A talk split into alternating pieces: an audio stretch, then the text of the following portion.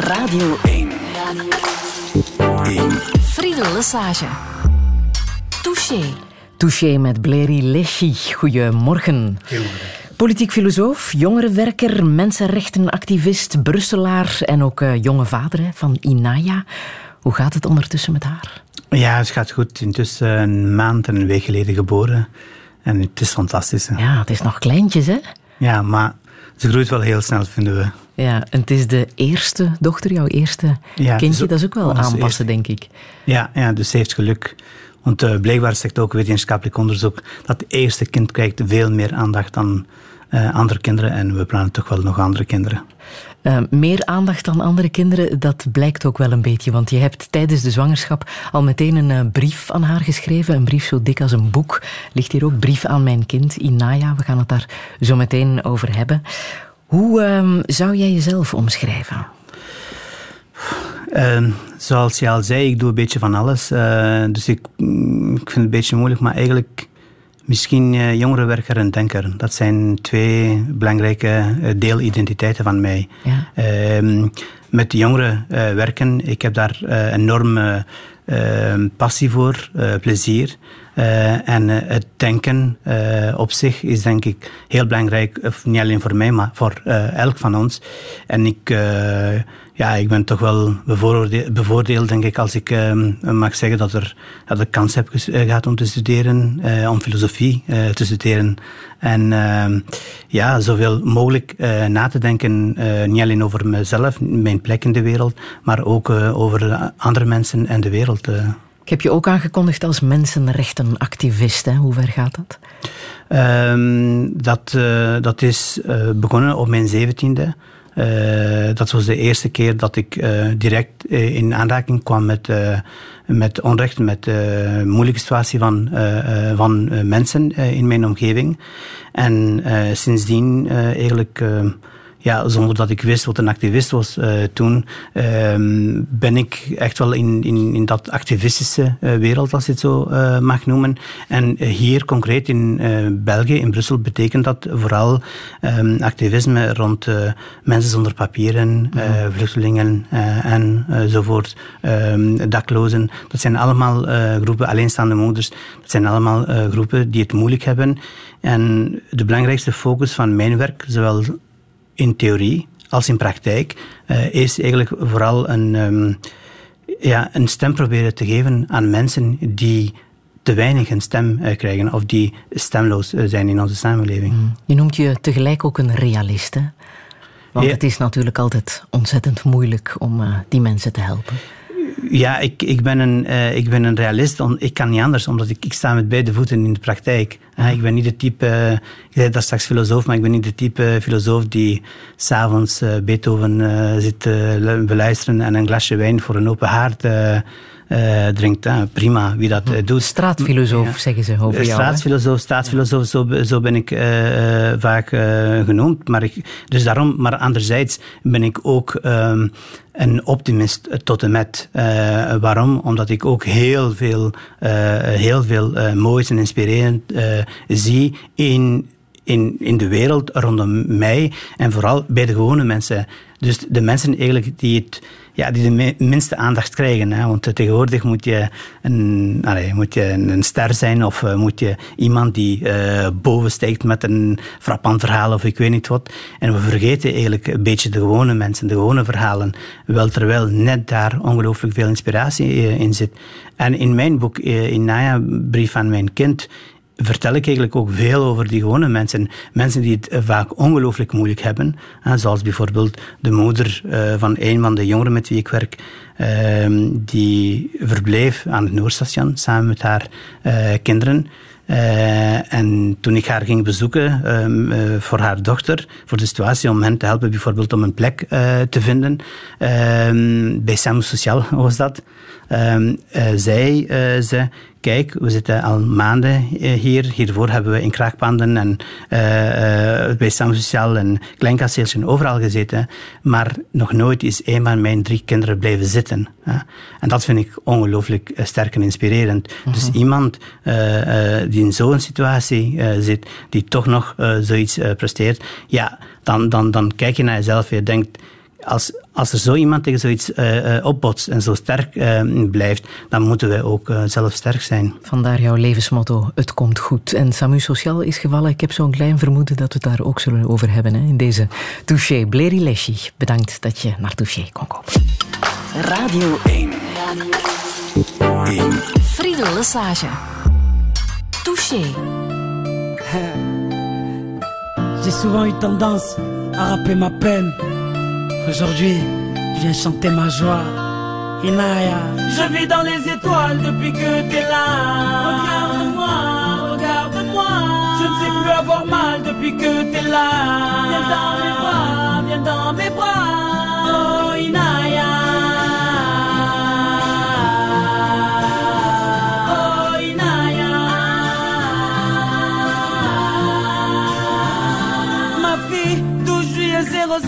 Ton arrivée au monde a changé ma vie. Elles t'ont mis dans mes bras et j'ai eu l'impression d'avoir volé un bout du paradis. Je ne savais pas que Dieu m'aimait autant jusqu'au moment où tu m'as souri. Et là le temps s'est arrêté. Comment te l'expliquer? Celle qui réussit à soigner mes plaies la guerre pour que t'aies la paix. Mon amour pour toi devrait être comme isolé, mais comment te l'expliquer? Je vis dans les étoiles depuis que t'es là. Regarde-moi, regarde-moi. Je ne sais plus avoir mal depuis que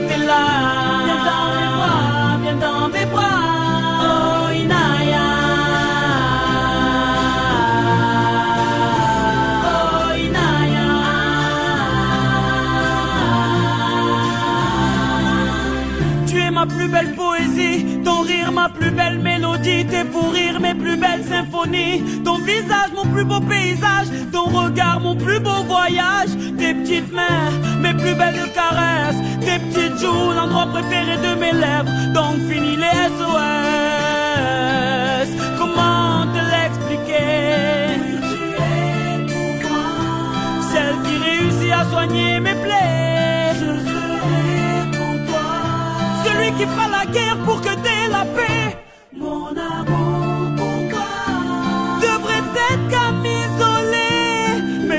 L'expliquer Je vis dans les étoiles depuis que t'es là. Regarde-moi, regarde-moi. Je ne sais plus avoir mal depuis que t'es là.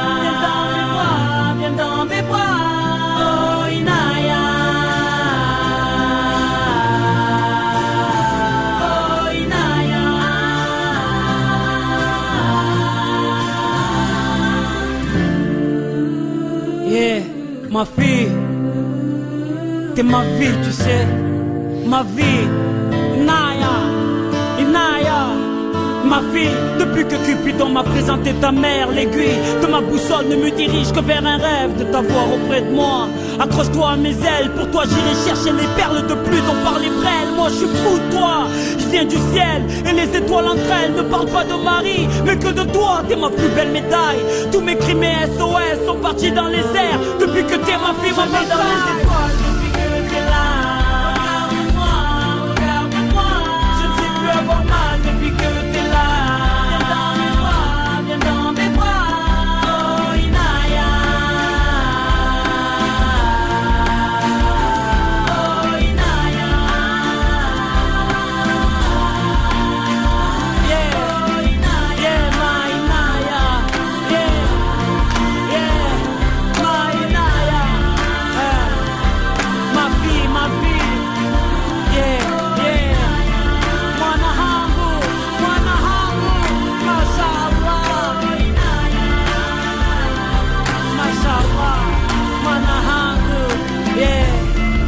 Inaya, gezongen door eh, Soprano. Dat is een eh, Franse rapper. Heeft eh, zelf drie kinderen en heeft voor elk van zijn kind een nummer geschreven. Zijn oudste dochter heet Inaya. Bleri Leschi, jouw oudste dochter heet ook Inaya. Ik vermoed dat het een en ander met elkaar te maken heeft. Ja, ehm, toen, we- nou, voordat we mm, kinderen hadden en zelfs getrouwd waren met mijn eh, echtgenote, zei als we een dochter krijgen, dan heb ik al een naam. Dus ik had eigenlijk niet veel keuze wat betreft de naam, om zelf ook mee te denken. Zij, um, Inaya um, Soprano, is heel bekend bij Brusselse jongvolwassenen, jongeren zelfs in hier, maar ook langs de Franstalige kant. En um, ja, ze is een fan van Soprano en ze, ze, ze had naar dat nummer geluisterd en ze vond het een mooie naam. En ik vond het, ik vond het zelf ook een mooie naam, dus ik dacht, uh, ja, ik ben helemaal uh, voor te vinden. Het is een Arabische naam? Um, eigenlijk op dat moment, uh, we wisten gewoon dat dat het nummer van Soprano uh, uh -huh. was. En toen achteraf had ik zoiets van, ik ga het eens opzoeken wat, -huh. uh, wat de betekenis daarvan is. En ik vond dat um, een Arabisch naam is en uh, dat betekent uh, zorgzaamheid in het Arabisch. Maar ik heb dan wat dieper uh, gezocht en dat bleek dat ook in Oud-Swahili min of meer dezelfde betekenis heeft. Ja. Dus, en zorgzaamheid is iets heel belangrijk voor mij, voor ons. mijn vrouw zegt altijd, er zijn twee fundamenten in, onze, in ons huwelijk. de liefde en zorgzaamheid naar elkaar. Dus ja, dat, dat, dat komt mooi samen. Ja, en dat is de betekenis. Blerileshi, het is wel een meisje. En ja. ik las dat dat aanvankelijk bij jou toch mm, een beetje een ontgoocheling was. Ja, ja dat, was, uh, dat was confronterend. Uh, en het is ook daarom dat ik um, daar eerlijk over ben geweest en in, in het boek heb opgenomen. Hè. Um, ik ben iemand die uh, die zichzelf als een overtuigd feminist ziet. Um, ik, ik heb altijd geprobeerd om, om het op te nemen voor vrouwen of om hen op een of andere manier te ondersteunen. Om zoveel mogelijk te breken, mocht dat in Albanië of hier zijn, met, met paternalistische kantjes. Um, maar blijkbaar er is nog werk aan de winkel. Uh, waarom zeg ik dit? Omdat um, in Albanië, zeker van waar ik kom, in het noorden, uh, is heel sterk uh, de focus, je moet zonen krijgen. En als je dat constant, je hele jong leven rondom jou hoort, dan, dan, dan blijkbaar is dat zo diep in jou. En dat was ook bij mij het geval. Eigenlijk de hele tijd dacht ik, ja, het wordt een zoon. Hè? Um, en dan wordt het een dochter. En ik weet nog heel goed, uh, mijn vrouw had al, was op bezoek gegaan bij de gynaecoloog en die had al heel snel gezien, het was twee maanden, twee weken, uh, dat het een meisje was. En die belde mij, ik had net met les gedaan en ik zeg ja. die, zegt, die zegt, ik heb gezien welke geslacht dat het heeft. Ik zeg oké, vertel. Die zei nee, nee, als ze hier komt en ik ga dan naar huis en ik kruip bij haar in bed en die laat me dan een video zien van de gynaecoloog. En ze zegt zo heel alsof ze, ik weet niet wat aan het zeggen is, ah ja, in Frans dan, c'est une fille. En dan dacht ik, ah... dan was het zo, ik was, uh, ja, ik was uh, even ontdaan, omdat je, je de hele tijd een bepaalde verwachting. Maar ik moet wel zeggen, ehm, een aantal uren later, en zeker de dag nadien, dat was helemaal weg. En ik was gewoon ongelooflijk blij dat er ja, dat, dat, dat er een kind uh, zou komen. En dan eigenlijk besef je, en zeker nu dat ze er is, uh, besef je dat het allerbelangrijkste is dat het een gezonde kind is. En ook in mijn familie, bijvoorbeeld mijn broer, de, de meest heftige reactie dat een dochter was, kwam van mijn broer. En de meest positieve reactie kwam van mijn vader. Ja, dat is ook frappant. Ja, ja. mijn, uh, oudste, allee, het oudste kind bij ons is mijn zus. Ja, en mijn vader en mijn zus zijn één. Hè. En mijn broer die was in het begin, ah nee, dat is zo jammer en dit, dat. En nu elke dag, hij zit in Albanië, elke dag vraagt hij achter uh, Inaya. Dus en die zegt, ja, het spijt mij voor mijn eerste reactie. Ah, Je oh. ziet, en ik heb het... Uh, in het boek opgenomen, want ik weet, niet alleen bij mensen met migratieachtergrond, maar ook uh, mensen zonder migratieachtergrond, uh, leeft dat. En ik wilde toch, toch wel de boodschap meegeven dat het allerbelangrijkste is dat het, dat het kind gezond is en niet zozeer of het een jongen en een meisje is. En laten we deze patronen doorbreken. Je schrijft ook, ze zal opgroeien als een mediterrane schoonheid, zeg je natuurlijk als, als vader, als trotse vader. Maar tegelijk wil je haar waarschuwen hè, voor wat ze zal meemaken, wat, hoe de buitenwereld naar haar zal kijken, uh, in welke tijd ze terechtkomt ook. Hè, 2017 en de jaren daarna. Nu kan ze dat nog niet weten, ze is nog, ja. ze is nog maar pas geboren. Maar waarvoor wil je haar precies uh, waarschuwen? Maar er zijn heel wat, uh, er zijn heel wat problemen in de wereld. En um, voor mij is het heel belangrijk om die problemen bespreekbaar uh, te maken. Mijn eerste reflex was eigenlijk, ja, mijn kind moet ik vooral beschermen van, van, de, mhm. van de slechte, boze wereld. Dat was mijn eerste reflex.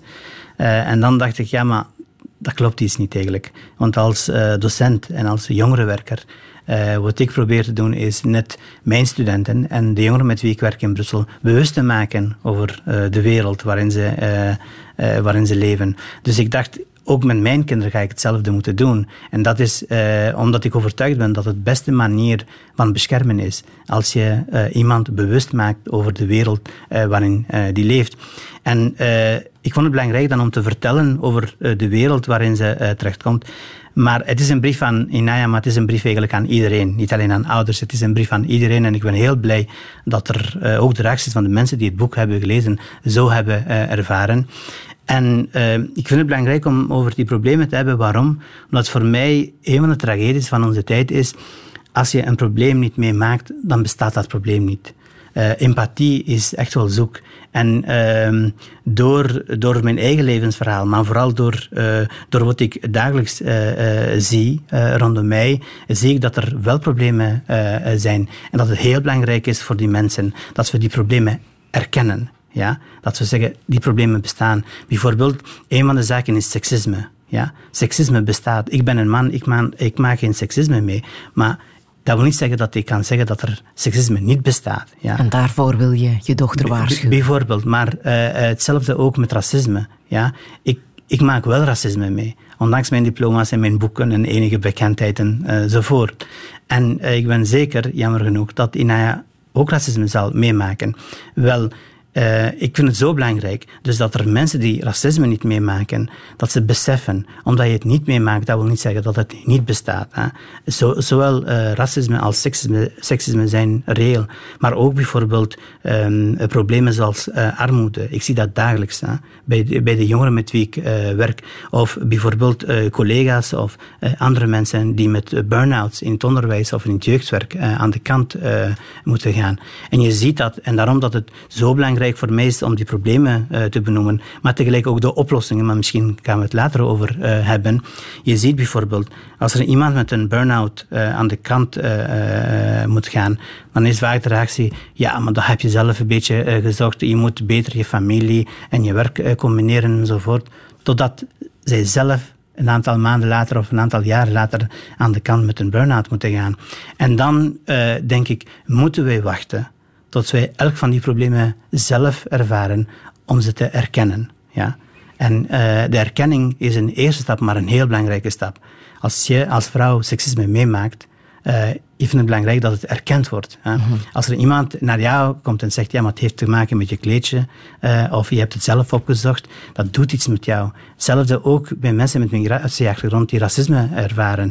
En dan heb je ministers of uh, andere politici die zeggen dat het relatief is of dat racisme niet bestaat, terwijl ja, eigenlijk kwetst, terwijl zelfs een trauma uh, mhm. kan zijn. En voor mij is dat heel belangrijk dus om, ja, om, om die problemen te benoemen. Heeft Inaya geluk dat ze in België mag opgroeien? Ze heeft uh, zeker geluk. Ze mhm. heeft uh, geluk dat ze in België mag uh, opgroeien. Waarom? Omdat ik, um, ik heb dit jaar de helft van mijn leven in Albanië en de andere helft in België gewoond. En um, er zijn heel veel mooie dingen in dit land. Ongelooflijk mooie dingen. En um, mijn werk, uh, eigenlijk, ik zie echt mijn werk als, uh, daarom dat ik uh, ook zo geëngageerd ben, omdat ik, ik ken de Belgische geschiedenis redelijk goed. Toen ik Nederlands kon spreken, het allereerste wat ik deed was um, geschiedenisboeken van België ja. gaan halen. Van Elswede tot en met Mark Renebo en zo. Ja. Um, waarom? Omdat ik, ik vond het heel belangrijk voor mij om, om de geschiedenis van dit land uh, te kennen. En als je de geschiedenis van dit land kent, maar ook vooral de hele uh, de strijdgeschiedenis, hè, de strijd voor vrouwenrechten, de strijd voor, voor hele uh, sociale zekerheidssysteem, voor alle rechten uh, uh, die ik geniet in dit land, samen met vele andere mensen. En als je, als je dus weet wat, wat onze ouders en voorouders allemaal hebben gerealiseerd, wel, ik vind het echt mijn plicht om die strijd verder te zetten. Mijn plicht, maar ook... Um, En het is ook tegelijk een teken uh, van dankbaarheid. Een teken van dankbaarheid aan al die mensen die uh, voor, voor de arbeidsrechten bijvoorbeeld, hè, die ik vandaag geniet als werknemer die twee jobs heeft. Hè. Dus een teken van dankbaarheid aan die mensen.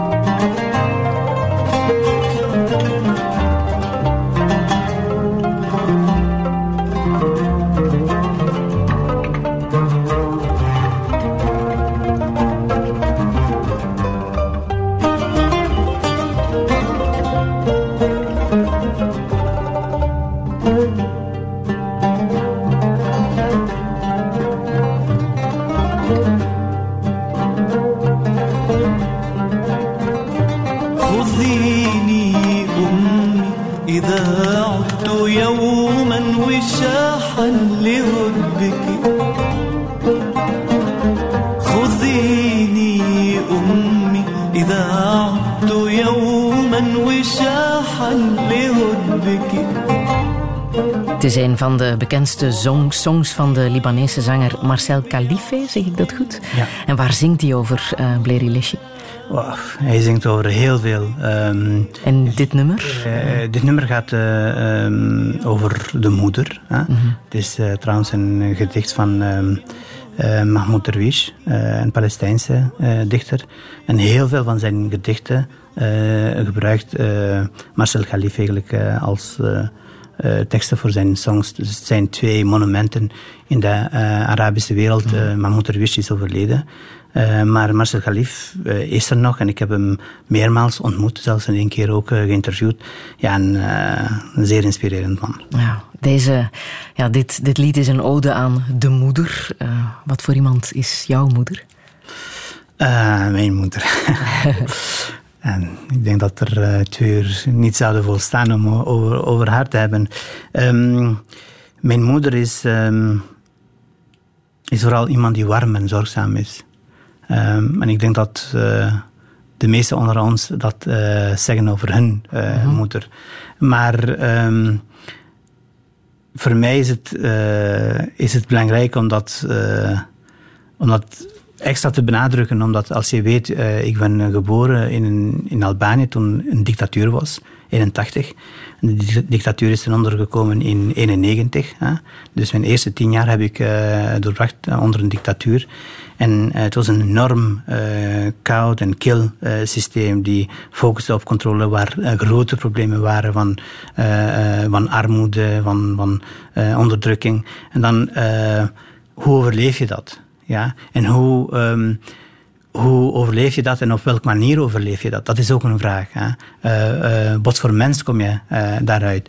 Ehm, en het feit dat ik ben wie ik ben vandaag, heb ik natuurlijk te danken aan mijn beide ouders, maar vooral aan mijn moeder. Mijn moeder die, die ongelooflijk ehm, veel energie, haar hele zijn in ons uh, stak, zodat we voldoende warmte hadden in dat koud en kil systeem. Want ze heeft vijf kinderen op de wereld gezet. Ja, vijf inderdaad, dat klopt. En ehm, en ook de zorgzaamheid. Ja. Ehm, we hadden het uh, moeilijk thuis, zoals vele Albanese uh, gezinnen. Er was uh, grote armoede. En ik kan me bijvoorbeeld herinneren, ik kan me het echt letterlijk herinneren, want ik, ik ging, we gingen dan naar de stad, we woonden zo'n beetje buiten de stad. En ze ging dan reclameren tegen de partijbazen van de communistische partij daar in de stad, omdat ze niet genoeg eten voor ons had. Maar dat gaan doen, dus daar gaan klagen, ja, dat, dat, dat is risico nemen, hè, dat, dat je in gevangenis wordt gestoken. Maar ja, zo zat, zat geen bank, dat is ongelooflijk. En, en dan, dan, uh, dan zei ze, kijk, uh, ik heb uh, vijf kinderen, wanneer gaan jullie ons helpen en zo voort. Dus ze was bereid en ze zette haar leven op spel. Alles zette ze op spel. Ja, in die zin was jouw vader, denk ik, ook vrij vooruitstrevend. Hè? Had hij ook behoorlijk wat lef? Ja, mijn vader, mijn vader deed ook dingen, maar er is een verschil tussen mijn vader en mijn moeder. Mijn moeder, uh, alhoewel intussen is mijn vader ook wat aan het veranderen. Mijn moeder sprak. Ja, dus uh, ze, als, ze, als ze iets zou doen of zo, ze, uh, ze zou daarover spreken. Um, terwijl mijn vader, die deed heel wat, maar hij vertelde eigenlijk daar niet echt uh, over. Maar hij deed het wel. Ja, hij Zo deed verliet het. hij bijvoorbeeld de Albanese Alpen om naar een dichtbijzijnde stadje te gaan wonen. Ja, en, wat toen toch ook niet zo evident was, en, lees ik in jouw boek. Nee, nee want we, we spreken nu over migratie en over vluchtelingen. We zullen straks ah. ook over hebben misschien. Maar, maar eigenlijk veel belangrijker dan mijn migratie naar dit land is zijn migratie 45 kilometer verder. Ja? Omdat uh, wij komen uit een streek waar, waar nooit... Uh, Albanië is heel vaak bezet uh, door allerlei bezetters. De, Romeinen, de, de Serviërs, de, de, Duitsers, de Italianen, de Ottomanen 500 jaar. Maar ik kom uit een streek, een van de weinige streken, waar nooit een bezetting is geweest, omdat het onmogelijk was om tot daar te geraken. Zoals nu nog steeds. En mijn vader is op zijn veertiende... Ja, is hij vertrokken. die heeft gezegd, ik ga ergens anders uh, uh, zeg maar mijn geluk uh, zoeken. Dan een beetje overal in het land en uiteindelijk um, ehm, 45 kilometer verder. Maar dat was dus de allereerste keer dat iemand in 600 jaar tijd die stap nam. Want die kan tot 600 jaar teruggaan in, de, in, de, in, in mijn familie. Mm -hmm. En... Um, maar dat was, dat was die lef hebben, maar ook bijvoorbeeld ik zei daar straks, we hadden, zo, we hadden uh, weinig uh, eten thuis. Maar mijn vader was een, een magazijner. Hè? En hij, dus hij, kwam eigenlijk... Dat eten wat er was voor die stad, was grotendeels in zijn handen bij wijze van, spreken. Hè? Um, hij was ook een slager. En uh, we hadden zoiets van, ja, maar waarom, uh, waarom brengt hij nooit een beetje vlees of zo mee? Want dat was echt een luxe product hè, mm -hmm. uh, toen. maar wat hij deed, en ik heb het echt jaren later dan vernomen van andere mensen, dat, dat vlees dat hij mocht meenemen, gaf hij altijd aan andere mensen. En hij nam het niet voor zijn eigen kinderen of voor zijn eigen vrouw en zichzelf naar huis. Omdat er waren andere mensen die het nog moeilijker hadden uh, dan ons. Maar je zou het nooit vertellen. Uh, dus wat, dit soort zaken. En er zijn zo veel van die verhalen die, die, die ik de laatste jaren ontdek, maar die, ja, die, die, die jou dan doen beseffen wat jouw roots zijn.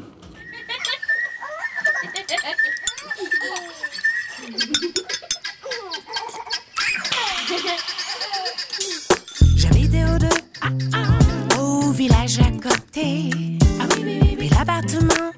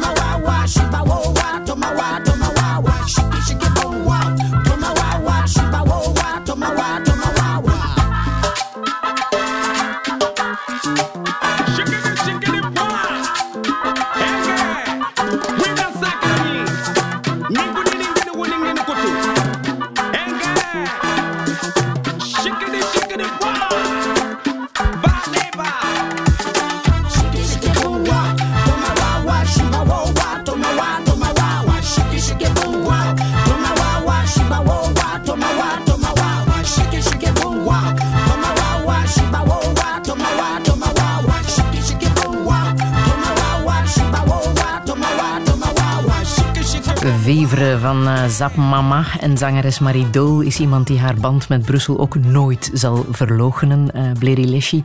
Brussel, ja, het is ook eh, voor jou een stad, eh, een lastig lief dat eh, jou nooit meer zal loslaten, denk ik. Je bent hier op je achttiende aangekomen.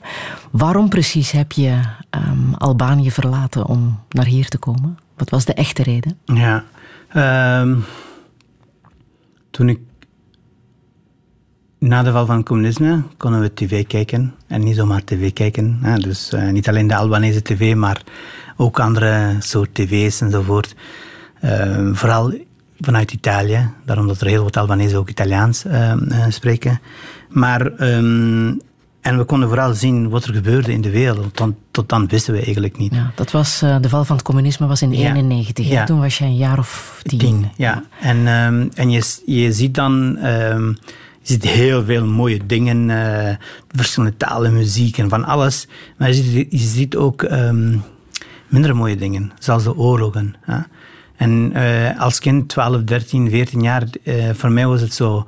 het was de Golfoorlog en de Balkanoorlogen die nadien zijn gekomen na de val van het communisme, ook in de Balkan, in Kroatië, in eh, Bosnië, Servië enzovoort. En ik had zoiets van, hoe kan dat? Hoe is dat mogelijk? Hè? Hoe is het mogelijk dat, de, dat er eh, de ene oorlog na de andere blijft eh, komen? Zijn er nu geen politici, zijn er nu geen diplomaten die daar eh, een einde aan kunnen maken? En, ehm, en ik had het echt voor Ik was als, als tiener heel politiek bewust en bezig. Het begon ja, een beetje kinderachtig door bijvoorbeeld de namen van alle parlementsleden. Niet de ministers, dat vond ik makkelijk, maar alle parlementsleden van buiten te kennen enzovoort. En ehm, ik had zoiets van, ik, iemand moet dat oplossen. Iemand moet een einde maken aan die oorlogen zoals eh, de Israël-Palestina-conflict en ik weet niet wat allemaal. Ah, en ook En- in je eigen land dreigde er in 97 ondertussen, Ja. 20 jaar geleden, Ja. een, een burgeroorlog. Ja, de eh, situatie bijna was dat, echt, dat, eh, dat, was, dat, was, dat, dat was ook nog een, een extra ervaring die je daarin motiveert. En dan kwam de, de oorlog in Kosovo Mhm. in 1999, toen er 800.000 vluchtelingen naar Albanië kwamen, noorden van Albanië, daar waar ik zat, in de armste regio van Europa. En eh, later had ik zoiets van, ja maar ik, ik moet gaan daar waar het eh, politieke macht zeg maar, zit in Europa. Eh, ik ga daar internationale politiek studeren, wat ik heb gedaan. En ik ga de- in de internationale politieke wereld de diplomatie erin. En daar ga ik een einde maken aan die conflicten. Dus dat was eigenlijk het beetje zelf doen, ja. Ja. Ja. Maar het is helemaal anders uitgedraaid.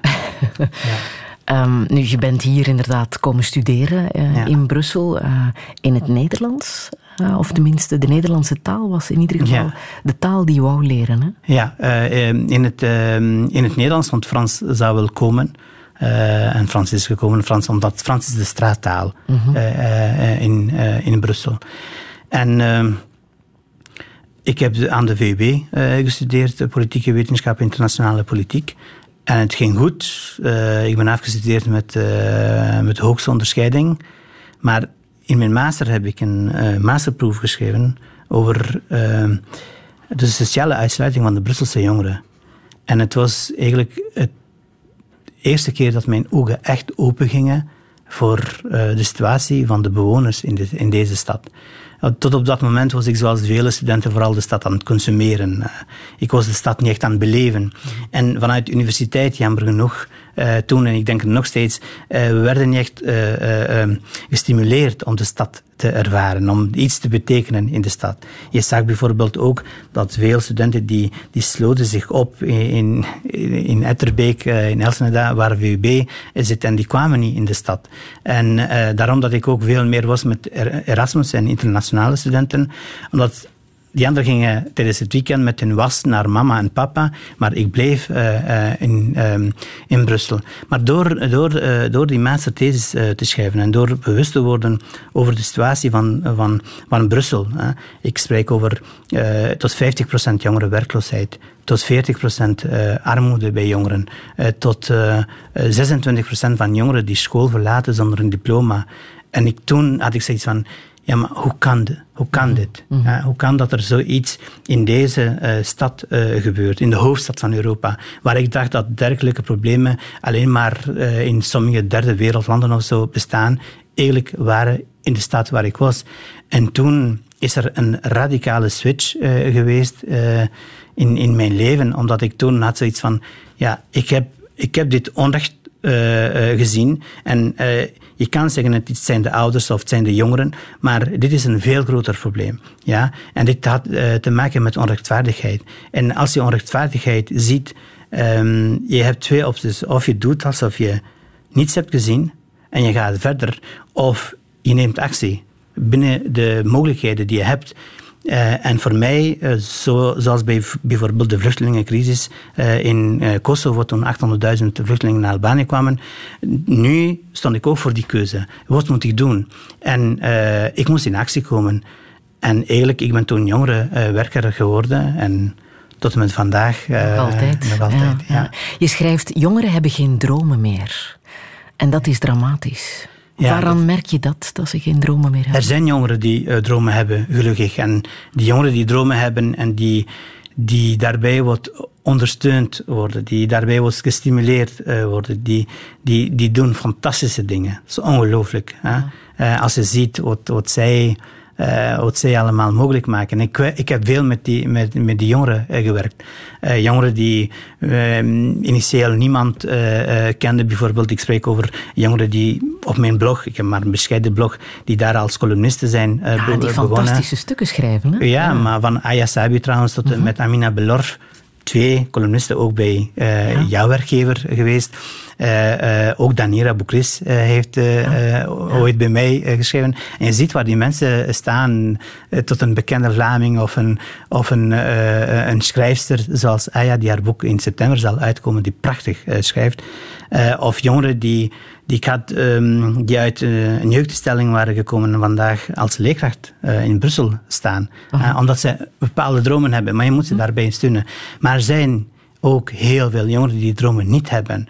Die denken, die kijken naar hun ouders, die kijken naar hun oudere broers of zussen en ze, ze, zien dat zij in armoede zitten of ze zien dat zij gedeprimeerd zijn of dat zij niet aan jobs kunnen komen of niet aan diploma's kunnen komen. En ze denken, dat is hetzelfde lot is ook op mij aan het wachten. En voor mij, als wij de dromen, als we de hoop uh, wegnemen van iemand, ja, dan heeft die persoon eigenlijk geen leven uh, meer. Dus daarom is het, is het zo belangrijk om aan onze jongeren, de Brusselse jongeren, maar alle jongeren in dit land, het maakt niet uit religie of origine of wat dan ook, dat, dat wij de kans geven om te dromen, de kans geven om hoop te geven. En in mijn begeleidingen um, en dat heeft te maken ook met het, met het zelfbeeld, maar dat heeft ook te maken met het, met het verhaal dat we uh, gezamenlijk brengen. Als ik bijvoorbeeld uh, tijdens mijn begeleidingen met zogezegd moeilijke jongeren, of zoals uh, de scholen hen noemen, probleemjongeren, um, dat is, dat is een foute benadering. Ja, het zijn jongeren zijn met problemen, niet probleemjongeren. Als je als probleemjongere wordt benaderd, dat, dan doet het iets al met je zelfbeeld. Zie, het zit in die kleine dingen. Uh, en ik vraag hen, ja, schrijf, schrijf jouw positieve uh, kanten. Of schrijf iets positiefs in jouw omgeving of over, over jouzelf. En schrijf de negatieve zaken. Dan zie je een hele waslijst van negatieve zaken. Maar zo goed als niets over positieve zaken. Ja, en dat toont aan eigenlijk niet alleen hoe zij naar zichzelf kijken, maar ook hoe wij naar hen kijken. En in welke situatie dat ze, dat ze zitten. En als, je, als ik dan zeg, ja, maar vertel mij over jouw dromen, over talenten, dan schrikken ze. Zo'n, nee, nee, nee, ik wil vertellen over de problemen in mijn uh, klas. En het is alsof het alleen daarover moet gaan. Ik zeg, nee, ik wil ook uh, ik wil meer weten. Mm -hmm. Zoals jij in deze gesprekken meer over je gasten wil weten. Wel, dat is eigenlijk ook wat ik probeer te doen in, in mijn begeleiding. Ja. Ik wil meer weten. Wie is de persoon daarachter? Focussen op het goede. ja, want dat is, als, als je iemand probeert te versterken. En daarom ben ik jongerenwerker. Om uh, de jongeren die ik uh, tegenkom, om die te versterken op een of andere manier, dan moet je meer weten. Dan moet je niet alleen de problemen kennen, die moet je zeker kennen en erkennen, zoals ik daar straks zei, maar we moeten ook op zoek gaan naar de dromen, naar de, naar de talenten. En dat moeten we veel meer doen. Niet alleen bij een aantal begeleidingen, maar uh, het moet in heel het jeugdwerk, het moet in heel het onderwijs uh, uh, zitten. Dat detecteren. Als ik dat mag illustreren met een kort voorbeeld, ik heb het onlangs meegemaakt. Ik ging spreken in, in een school hier in Brussel.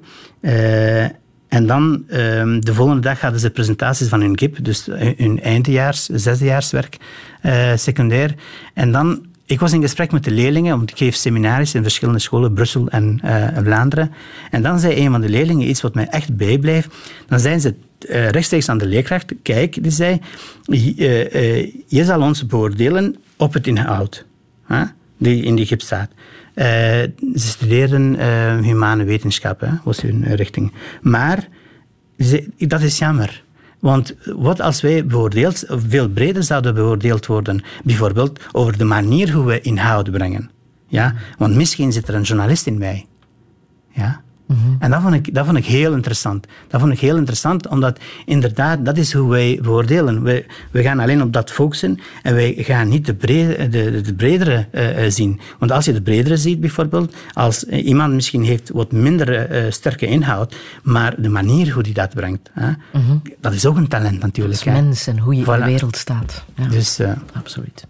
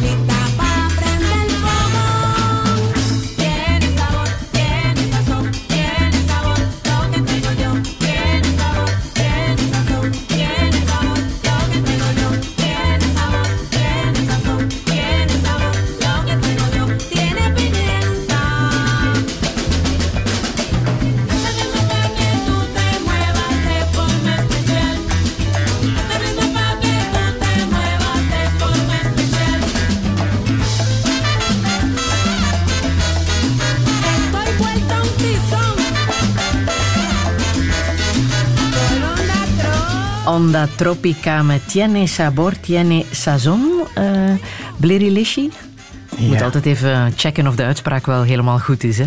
Muziek die jij graag draait, hè? want behalve politiek filosoof en uh, schrijver ben jij ook DJ, hè? Ja, dat klopt. En dan, dan is het Brusselo. dan ben je DJ Bruxello, ja. ja. En dan draai je dit soort uh, fantastische muziek. Wat ja. moeten we hierover weten? Bah, um, die had me gevraagd, uh, neem eens wat nummers mee. Ik was net aan het vertellen, ik vond het heel moeilijk. En, maar dit is een van de nummers die ik uh, graag uh, speel. En eigenlijk alle nummers, nummers die ik, ik mocht zes nummers insturen. Die komen uit vijf verschillende continenten. Ja, ja. ja dus ja. het was het was ook belangrijk. Ik dacht, oké, okay, ik kon een Afrikaans nummer of ik weet niet wat nemen, maar dit is, ja, dit is uit Colombia. Ah. En ik speel heel veel cumbia.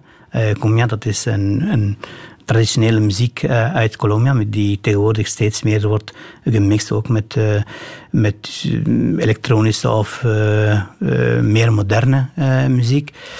En uh, voilà, um, ik organiseer maandelijks een feestje in Brussel. Maar eigenlijk het is meer dan een feestje, want wij, wij beginnen altijd met een, met een documentaire. dan is er ook een talk met, met, met de gasten die komen. Mm-hmm. of we nodigen speciaal sommige gasten. Bijvoorbeeld bij een volgende editie nodigen we um, Emma Amponza, dat is een jonge uh, Nederlands uh, Nigeriaanse dame die Black Speaks Back heeft opgericht. En wat zij willen doen is eigenlijk aan de zwarte gemeenschap in België een stem geven. En hoe heet dat maandelijkse feestje?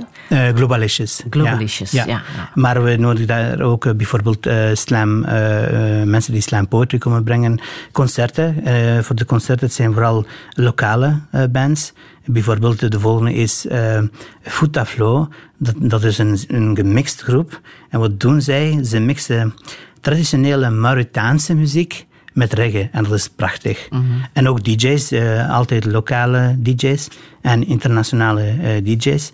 En ook altijd uh, zoveel mogelijk vrouwen. Ah. want die, die muziekwereld is, zoals vele werelden, jammer genoeg een mannenwereld. En uh, ik vind het heel belangrijk eigenlijk om, om, ja, om, om, om daar verandering in te brengen binnen wat ik kan. En als ik, als ik kijk bij de volgende editie bijvoorbeeld, uh, onze special guest uh, is een vrouw, onze DJ, uh, DJ Kisa die uit Barcelona komt, is een vrouw. En dan hebben we een dance workshop, en dat is die zijn geweldig, uh, altijd mm -hmm. en ook goede mensen uh, meedoen. Deze keer uh, zal het dancehall zijn. Marie Querida komt. Ja, en dat is, dat is fantastisch. Vooral voor mij, ik, ik heb dat echt nodig, muziek. ik heb het nodig omdat, omdat ik zie wat Brussel is in, in, in die events. Je gaat ook draaien op Couleur Café, hè? Ja, ik ga daar ook draaien. Dat, dat is eigenlijk... Wat wij realiseren is een beetje Couleur Café, maar dan iets meer sociaal en politiek uh, uh, bewustzijn, consciousness. Ja. en, en, maar de mix is zelfs groter. Hè. Mm -hmm. Bij ons is het ongelooflijk. Je hebt van, van mensen zonder papieren tot en met superbekende schrijvers die samenkomen. En dat is, als je dat ziet, als je bijvoorbeeld ziet, ik vind het altijd als je bijvoorbeeld, ik zeg maar iets, Afrikanen op Balkanmuziek ziet dansen, of Aziaten op Coupé décalé, dat is Afrikaanse muziek. Ja, dat is, dat, dat is de mix van Brussel. Dat is uh, ja. Brussel. En dat is, ja. En als jij niet met muziek bezig bent, dan zit jij in de boeken. Want je hebt echt een uh, boekenverslaving, hè? Ja, ja. Het is al heel jong begonnen dat je fanatiek met boeken onder je kussen sliep. ja, dat is... Uh, um, Eigenlijk, ik, ik, ik heb nooit geweten van waar die uh, liefde voor boeken kwam, omdat uh, um, mijn vader, beide mijn ouders hebben acht jaar uh, gestudeerd. Um, omdat ja, ze, ze, hadden niet meer, ze hadden geen kansen om verder mm -hmm. te studeren. En dus het is, niet, de mensen, het is moeilijk om voor de mensen in te beelden, maar het is niet zoals hier, dat je boeken of kranten op, op de tafel uh, krijgt en, enzovoort. Nee, het was een heel andere situatie. Maar, maar als, je één, als je één boek mag aanraden, dan is het uh, een boek van uh, de dichter Rainer Maria Rilke. Ja. Brieven aan een jonge dichter. Ja. Wat je ook adviseert aan de jongeren die je. Ja, ik, ik, adviseer, ik adviseer het eigenlijk aan iedereen. Ja. Niet alleen uh, aan, aan, uh, aan de jongeren. Het is een boek, het is een boek die eh, het is een boek dat voor, voor, voor mij... eh, er zijn heel veel boeken die voor mij belangrijk zijn, maar het is een boek dat, dat in bepaalde periode eh, mij heeft geraakt. En, en, en, en ik had er veel aan dat, aan dat boek. Hè. Dus ik, ik voelde mij echt een soort zielsgenoot van, van Rilke, terwijl die bijna 100 jaar terug die brieven aan het schrijven was. Maar dat is de kracht van, van boeken, dat is de kracht van literatuur. Eh, en daarom, we kunnen nooit eh, genoeg boeken lezen, omdat eh, literatuur is, is, brengt, brengt de menselijkheid erin, brengt de verbinding erin, brengt de empathie. Ik had het daar straks over empathie. Wel, dat is de kracht van, ehm, van literatuur. Dingen die je misschien niet meemaakt, die je niet kent of herkent, maar je leest ze. Ja, je gaat een bepaalde empathie. Ja, eh, en zeker in dit boek, hè, brieven aan een eh, jonge dichter, Bleri Leschi. Ik heb nog muziek uit eh, de film van The Great Debaters. de film van en met Denzel Washington. Omdat die jou heeft geraakt. Hè? Waarom precies? Ehm, omdat je vroeg daar straks hè, over de jongeren en dromen. Eh, dat was ook zo'n moeilijke keuze. Ik kies een film. Eh, eh, wel, ik heb altijd, ik zei daar straks ook, ik heb altijd de eerste wat in mijn ged- gedachten opkwam genomen. En ik heb, dit, ik heb deze film genomen omdat je ziet, en het is op, ware feiten gebaseerd, de film, en hoe eigenlijk een, een Denzel- Washington dan eh, in de film een, een groepje jongeren eh, waarvan je zou zeggen dat ze nooit, ah, dat er zitten geen eh, grote debaters erin en zo, maar van hen, dus hoe hij hun dromen, hun talent naar buiten kan brengen en tot en met het allerhoogste niveau brengt en waar zij dan tegen de debaters van Harvard University moeten opnemen. En voor mij, dat is, ehm, dat is wat wij moeten proberen eh, te doen. Dus eh, zien, ehm, herkennen eh, wat eh, het talent niet alleen bij de jongeren, maar bij ook andere mensen zit. En hoe kunnen we dat eh, naar buiten brengen? Dat is, dat is de grote uitdaging. Radio 1. Friedel Lesage. Touché. Touché met politiek filosoof, activist, jongerenwerker en Albanese Brusselaar Bleri Leschi. Hij schreef zo net een lange brief aan zijn pasgeboren dochter Inaya om haar voor te bereiden op de wereld waarin ze zal terechtkomen. Een wereld waarin zorgzaamheid en verdraagzaamheid soms verzoek is. Een wereld ook waarin ze niet als mediterrane schoonheid, maar als indringer zal worden gezien. Maar ook een wereld die ontzettend mooi kan zijn. Het is een kwestie van die schoonheid te ontdekken. In de literatuur, in de muziek en in de mensen die ons omringen. Bleri Leschi zelf kreeg de grootste levenslessen van zijn ouders in de Albanese bergen. Maar de corruptie en het patriotisme van het land dreven hem naar hier. Hoe moet het verder met Brussel? Hoe staat het met de strijd tegen racisme? En wat met de vluchtelingenproblematiek? Dit is Touché met Bleri Leschi.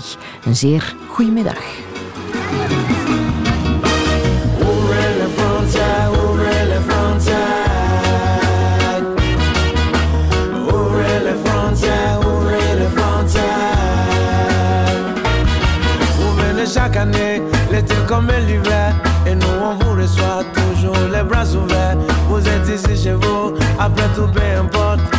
Partir alors ouvrez-nous la porte. Ouvrez les frontières, ouvrez les frontières. Ouvrez les frontières, ouvrez les frontières. Du Cap à Gibraltar, nous sommes des milliers à vouloir comme vous venir sans rendez-vous. Nous voulons voyager et aussi travailler. Mais nous, on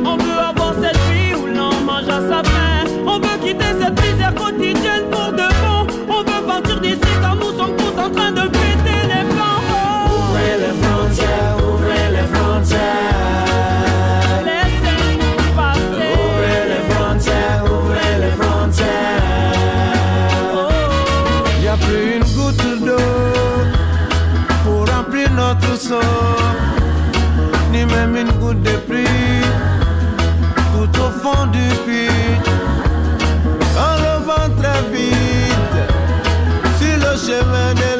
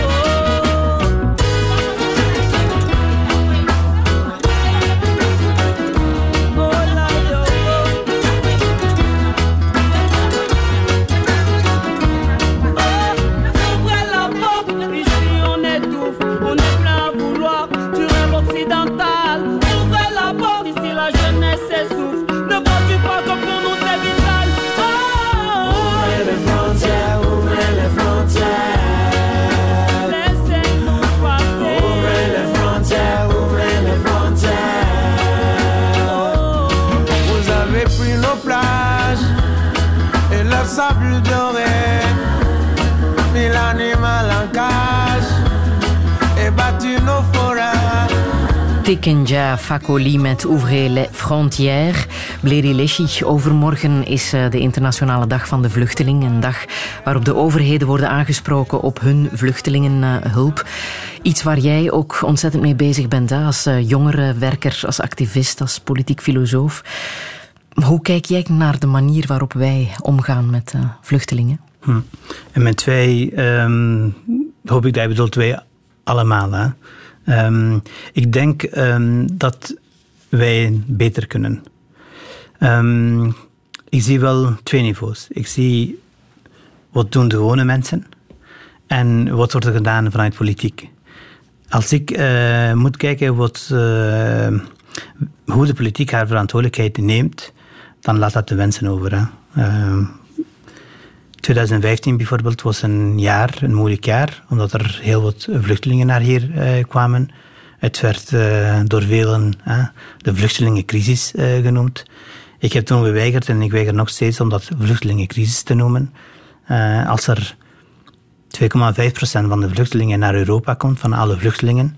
Als er 33.000 vluchtelingen naar een land komen met meer dan 11 miljoen inwoners, je kan dat niet vluchtelingencrisis noemen. Je kan ook niet eh, op televisie of op radio gaan eh, zeggen dat wij overspoeld worden, dat ze allemaal naar hier komen, dat wij de OCMW van de wereld zijn, enzovoort. Het zijn allemaal uitspraken van ministers en vicepremiers, wat ik hier benoem. En eh, wat je dan krijgt is ehm, een politiek eigenlijk die haar verantwoordelijkheid niet neemt. Terwijl wij eh, gelukkig, en wij dan bedoel ik de Europeanen, ehm degene zijn geweest die ervoor gezorgd hebben dat de conventie van Genève is gekomen.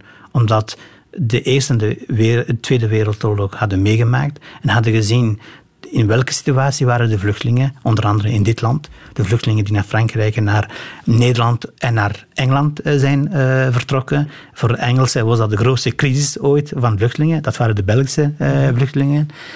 En wij hadden daar lessen uitgetrokken. En dus hebben we gezegd, we gaan een, een, een conventie oprichten waar wij eh, eh, een aantal rechten bieden aan mensen die op vlucht zijn eh, voor hun leven.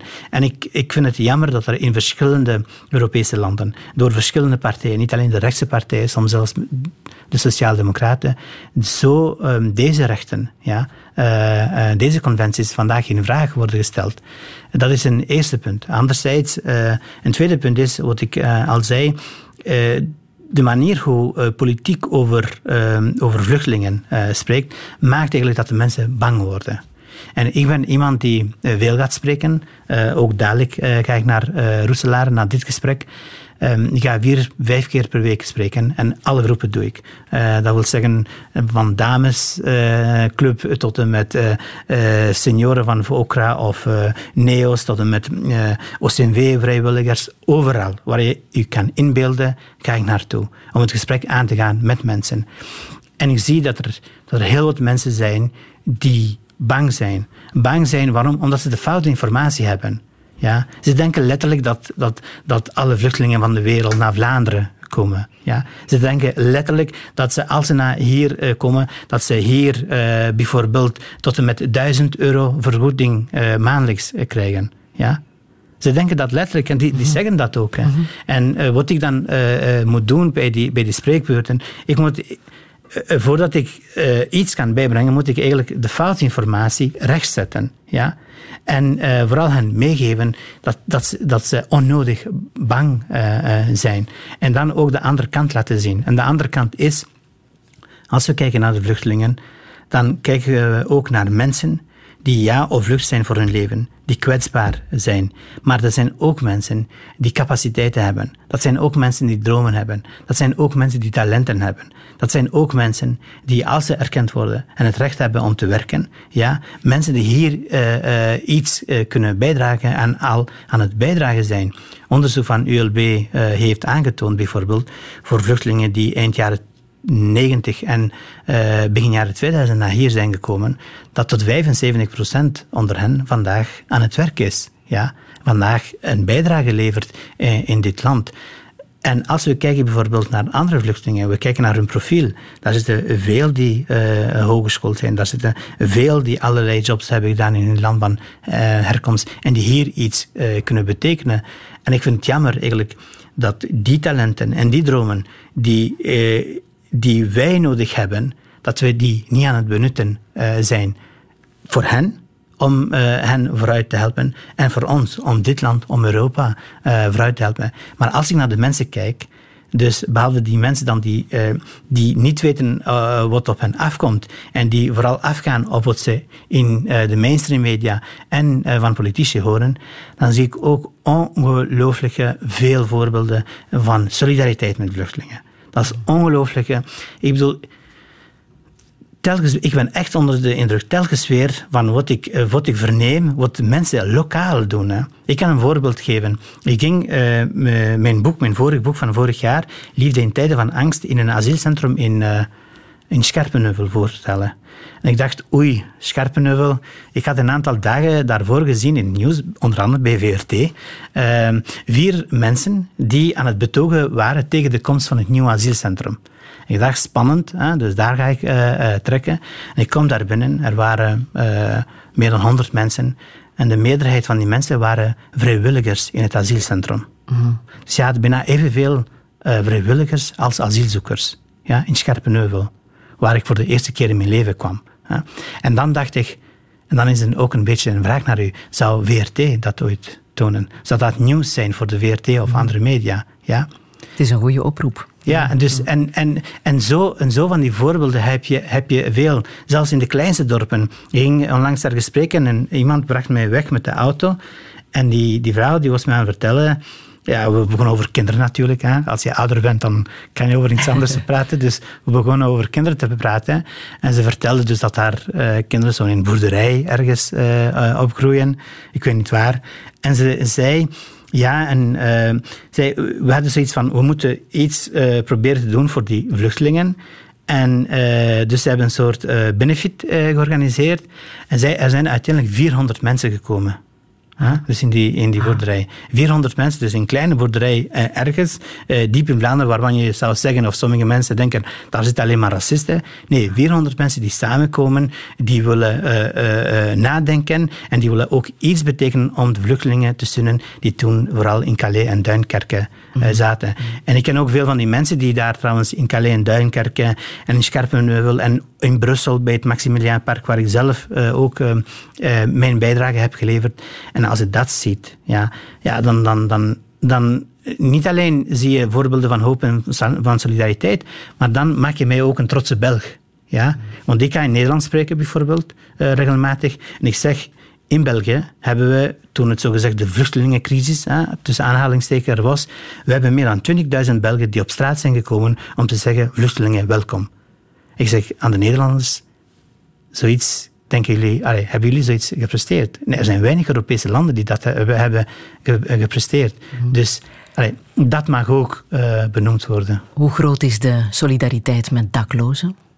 In onze uh, hoofdstad bijvoorbeeld? De, de solidariteit uh, met de daklozen is, is ook groot. Met de gewone mensen. Ja? Mm. En ik zeg dit omdat ik heb, het is niet benoemd, maar vroeger deed ik ook documentaires.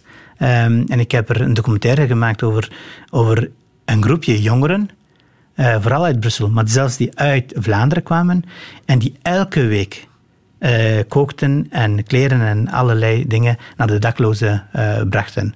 Ja, elke week. Hoe komt dan het nieuws aan dat nu wordt verteld over Samu Sociaal en de zitpenningen aan de Raad van Bestuur? Hoe komt dat aan bij jou? Dat komt heel hard. Dat komt heel hard aan. Waarom? Omdat ik, ik weet eh, uit, eh, uit de gesprekken met, eh, met die jongeren die daar actief waren. En dat is ongelooflijk prachtig om te zien. Hè? Hoe bijvoorbeeld daar in de voormiddag met hun, met hun ouders aan het koken waren. En dat eten dan kwam naar de daklozen. Maar ook hoe bepaalde restaurants van Vlamingen ja, eten maken voor daklozen in Brussel. Dat mag ook benoemd worden. Hè? En dan als je met die, als je met die eh, jongeren eh, sprak die daar actief eh, in waren, waaronder trouwens ook mijn echtgenote, dan je, je, je zag dat ze vaak boos waren ook op Samen Sociaal. Ja? Ja? Omdat, er, omdat voor heel wat dingen eigenlijk eh, die zij deden, de verantwoordelijkheid was van Samen Sociaal. Want die En- organisatie dient daarvoor. ja, die organisatie dient, daar, eh, dient daarvoor. En En hoe goed ken jij de werking van Samu Sociaal? Ik, ik ken het niet van binnen en van buiten, maar ik heb eh, verschillende mensen van uh, Samen Sociaal, dus de gewone werknemers, zeg maar, ontmoet. En ook voor jongeren bijvoorbeeld, die op straat soms zitten, of kraakpanden die soms moeten opgevangen worden, of vluchtelingen enzovoort. Eh, ik, ik kom in contact met die mensen. En ik heb geen problemen met die medewerkers, want, omdat zij proberen te roeien met de middelen die ze hebben. Ja? Maar wat je ziet is dat, er, dat ze eigenlijk ehm, st- steeds eh, eh, minder middelen hebben voor de daklozen, voor de mensen die de hulp, die de opvang nodig hebben. Ik geef een voorbeeld. Als jij, je, je, kan, je wordt opgevangen, dus wat, wat, wat, wat, doe je eigenlijk? Je moet dan rond vijf uur bellen naar Samen Sociaal, ja? en je moet hopen, je vingers kruisen dat er plek is. Dat Elke dag, hè? Ja, elke dag, inderdaad. Hè? En dan om acht uur s morgens moet je terug eh, buiten. Het maakt niet uit eh, wat je situatie is, psychische of gezondheids, of eh, met kinderen zonder kind. Dat maakt allemaal niet uit. Hè? Je moet, je bent terug op de straat. Hè? Elke dag Ja. moet je bellen om één nacht daar te kunnen. Ja, voilà. Dus ik heb leerlingen van mij die in die situatie hebben gezeten. En ik heb ouders die bij mij kwamen smeken. eh, eh, vraag alsjeblieft Samen Sociaal, zodat we tijdens het weekend eh, daar kunnen blijven. Niet worden buiten gezet. Zodat mijn kinderen eens kunnen uitrusten. Want die willen, die willen wat uitrusten. wat langer slapen. En dat mocht gewoon niet. En dan eh, kom je erachter, wat ik trouwens al langer weet, want ik samen met andere mensen zijn dit al langer aan het aankaarten, wat er met Ivan Majeur en Pareta enzovoort aan het gebeuren is.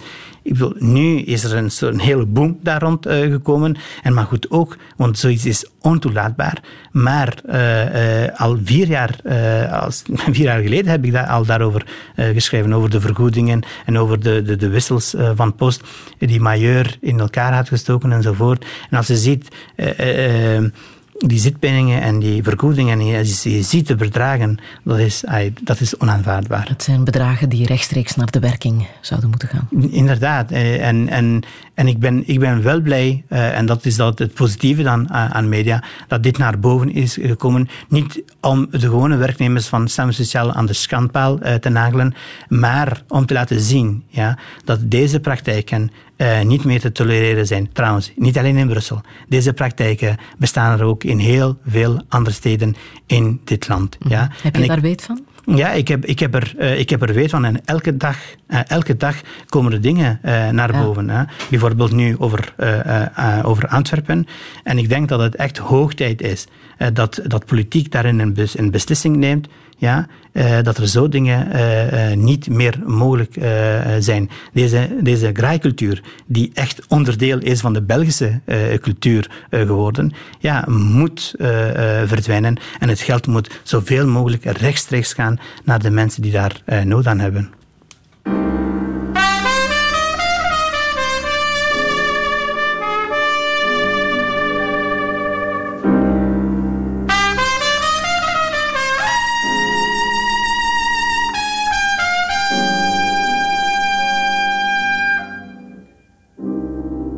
Southern trees bear strange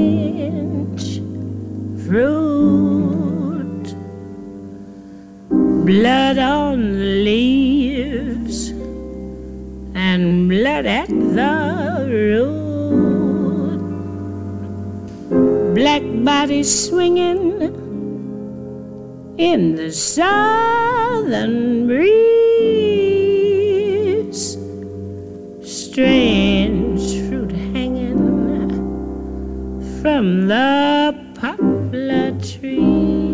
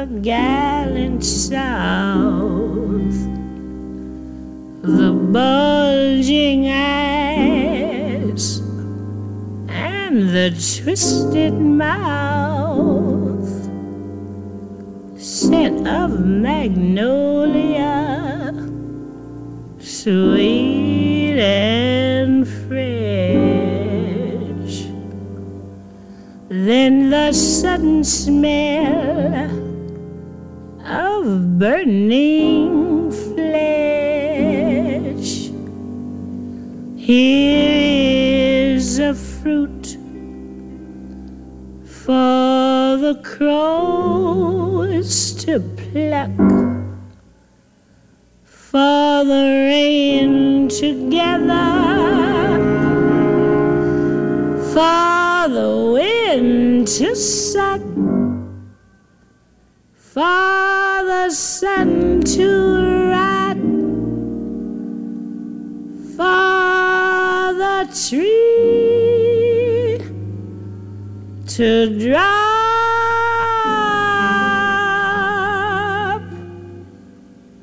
Here's a strange and bitter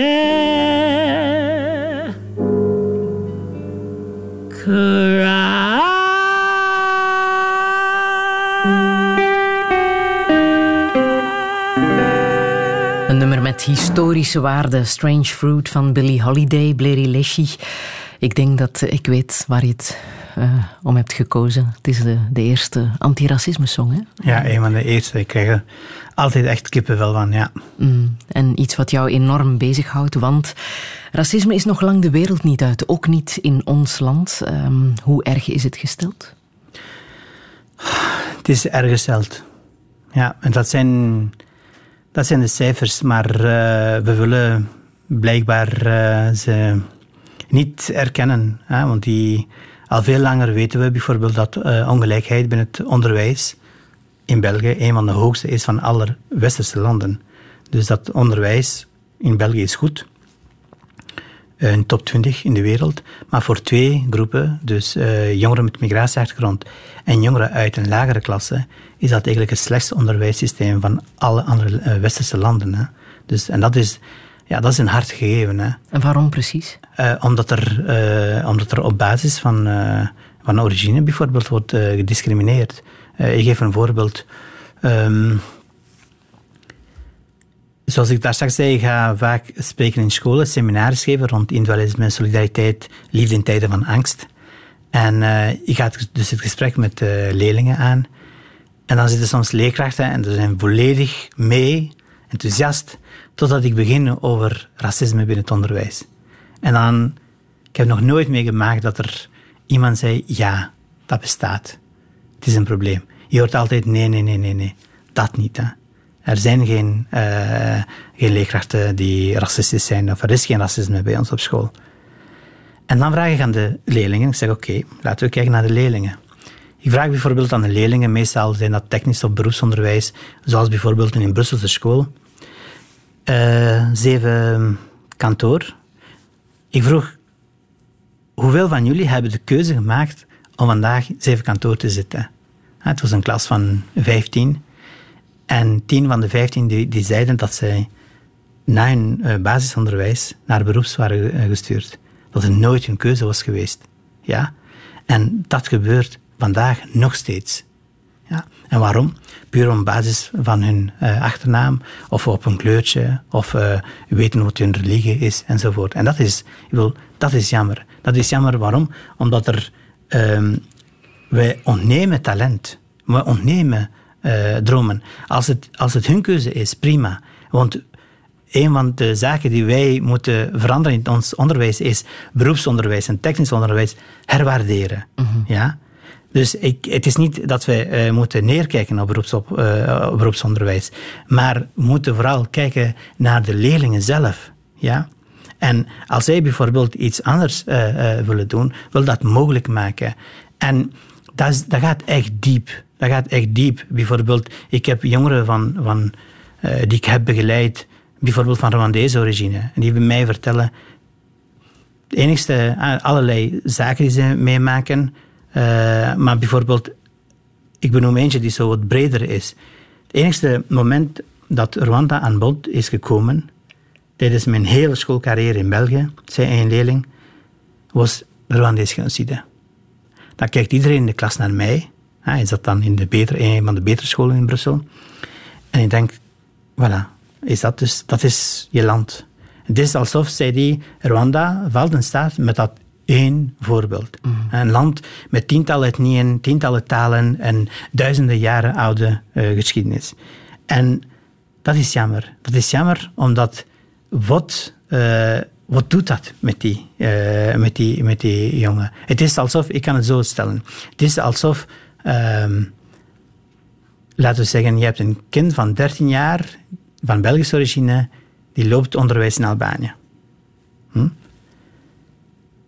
Het enigste moment dat België aan bod komt is om te hebben over Marc Dutroux.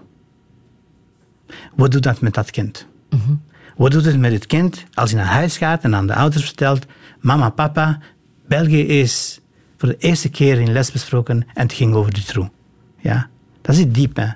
Dat zit diep ook bij jongeren bijvoorbeeld met migratieachtergrond, eh, die, die nu eh, eh, hogere studies aanvatten, maar die niet sterk in hun schoenen staan. En die vertellen dat, er, eh, dat aan hen werd aangeraden om geen hogere studies eh, te doen. Dat zij bijvoorbeeld eh, eh, de taalcapaciteiten niet hadden. Dat zij technisch onderwijs hebben gevolgd. En wie technisch onderwijs heeft gevolgd, moet niet proberen in het hoger onderwijs enzovoort.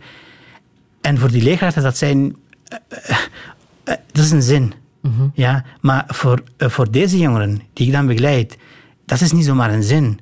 Want die, die, na een aantal jaren beseffen ze dat ze met een bepaalde complexen zitten, beseffen ze met, een, met, met bepaalde trauma's eh, zitten.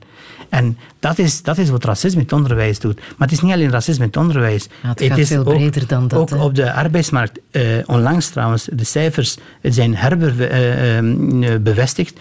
Ehm, nergens in Europa zijn zo weinig migranten actief op de arbeidsmarkt dan in dit land. Ja? Waarom? Zijn de Turken van Turkije, van, van eh, Duitsland anders dan de Turken van België? Zijn de Marokkanen van Frankrijk anders dan de Marokkanen van België? Nee, die komen meestal uit dezelfde streken. Dus het heeft te maken met het beleid dat wij hier voeren. En daar knelt het schoentje. Ja? Want we hebben de cijfers bijvoorbeeld. Wij zeggen dat wij eh antiracisme-beleid hebben. Maar die is er eigenlijk niet. Ja? De wetgeving die, die, die, die, die is eh, niet zoals het moet zijn. Dus die doorstaat de Europese toets niet, dat is één. En die wordt niet toegepast, dat is twee. Ik geef u één cijfer, u en de eh, luisteraar. Dat zijn, eh we hadden zo'n eh, anderhalf jaar geleden een discussie rond racisme. Dan even en dan verdwijnen, dan komt het terug naar boven. Veel discussies, maar weinig daden. En een van de trekkers wordt Bart Somers. Ik weet niet of je dat nog herinnert. Hè, Zo'n speech van hem in het Vlaams parlement.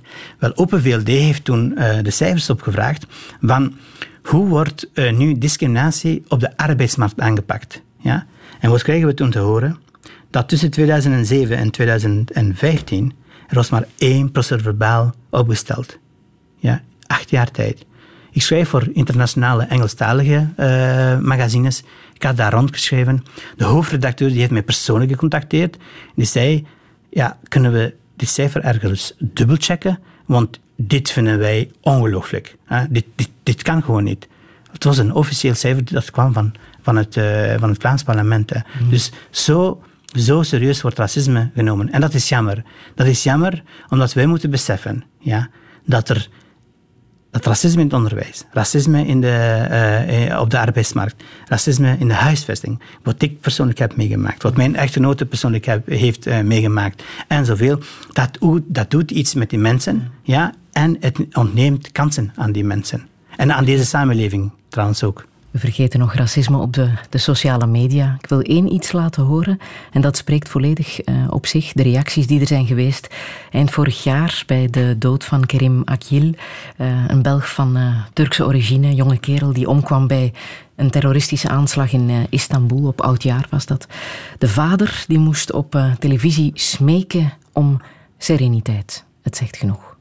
Kijk, ik heb mijn zoon niet Turkije laten begraven. Ik, ik, ik neem dit terug naar hier. Dus ik ben, ik ben stuk van deze land. Ik, ik verwacht gewoon een beetje van het Belgische volk gewoon begrip, alsjeblieft. En die racisten en zo, dat zijn gewoon arme mensen. Die weten niet wat die doen. Zo denk ik dat.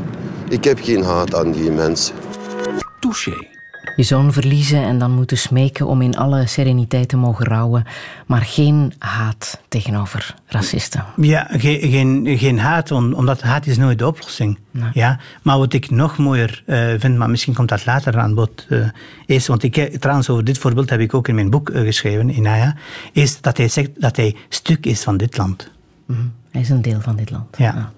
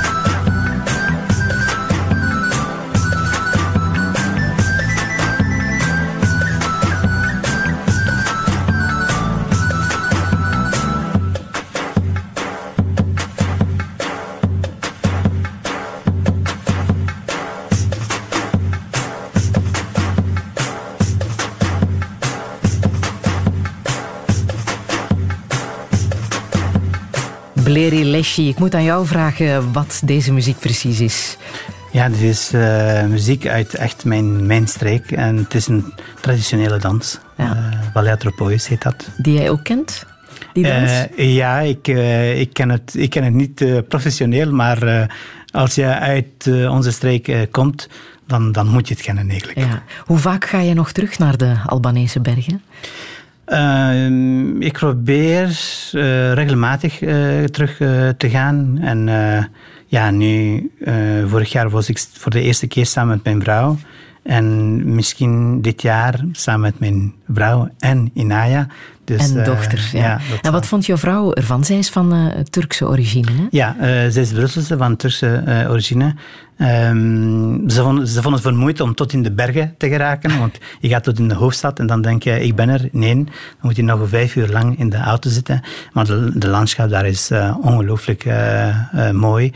En... ehm, ja, het, eten. En eh, ze heeft mijn ouders dan ontmoet. En dan heeft, eh, heeft ze mijn moeder ontmoet. En dan heeft ze gezien wat zorgzaamheid in another level, eh, zeg maar, eh, eh, betekent. En ja, het was gewoon, het is, het is altijd super fijn. Over jullie, eh, jij en je vrouw, werd gezegd, die twee houden het geen half uur met elkaar vol toen jullie elkaar net leerden kennen. Maar Ja. dat is niet zo. Hè? Het is net de kracht van jullie verschillen die jullie heeft Ja, en eh, ik, ik vind het heel belangrijk ehm, om, eh, om te zoeken wat, wat wij delen. Hè? Dus eh, de gelijkenissen. Die, om, maar omdat er, omdat er sommige mensen misbruik maken van die verschillen en zo de, de verschillen benadrukken eh, om te zeggen, kijk, die, die zijn minderwaardig of oh, om racisme dan naar boven eh, te laten komen, eh, is er een soort angst eigenlijk om, om te praten over verschillen. Terwijl ik, ik, ik hou in, mijn, in het boek ook een pleidooi eh, voor verschillen. Je kan de ander niet herkennen als hij ook niet de verschillen die de ander met jou heeft niet herkent. Hè? Als je alleen naar de gelijkenissen zoekt, je bent alleen de ander eigenlijk voor de helft aan het herkennen. En eh, het was hetzelfde met mijn vrouw en mijn vriendenkring. In het leven is het gewoon eh, zo. Ik denk dat wij eh, veel meer moeten durven om, om de verschillen te herkennen. Want als we dat zien, wij, wij, wij gaan de ander eh, ehm, zien zoals die eh, er is. En het zal ons eh, sterker maken. Bijvoorbeeld in liefde. we mislukken, denk ik, vaak in liefde. Net omdat, omdat wij niet om, kunnen omgaan met die verschillen, omdat het ons niet wordt aangeleerd. Eh, het wordt ons niet aangeleerd om met die verschillen eh, om te gaan. In, ik zit in het onderwijs. In het onderwijssysteem zeggen we altijd, zoek naar de gelijkenissen. Wel, wat krijg je dan? Dan krijg je eh, jongeren, maar niet alleen jongeren, ook volwassenen, die zeggen, ja, we zijn uit elkaar gegaan. Waarom? Omdat we te verschillend waren. Ja? En soms is dat zo. Soms zijn die verschillen misschien zo ongelooflijk groot, maar vaak ook niet omdat wij echt letterlijk op zoek zijn naar een soort kopie van onszelf. Je ziet bijvoorbeeld eh, heel die datingindustrie, eh, hoe wij op zoek gaan. Hè. Als ik bijvoorbeeld graag reis, moet ze graag reizen. Als ik sociaal ben, moet ze sociaal zijn. je zoekt een soort kopie van jezelf en dat is een probleem. Eh, want later, als je samen bent, je, je zal, eh, je zal eh, inzien dat elk mens is uniek, dat er ook verschillen zijn. Wat is liefde volgens jou? Um, voor, volgens mij, en ik heb uh, in Liefde in tijden van angst een soort definitie proberen te geven, een brede definitie, mm -hmm. is dat wat ons um, laat uh, groeien en bloeien en ontplooien als mens. En ik zeg bewust ons, omdat toen ik uh, bezig was met het boek en ik ging op zoek naar literatuur, de focus lag altijd mij. Hè. In deze tijden van individualisme, het moet altijd over mij gaan. Maar hoe kan ik aan mijn echtgenote zeggen, ik hou van jou, als ik haar groei, als ik haar ontplooiing niet mogelijk maak.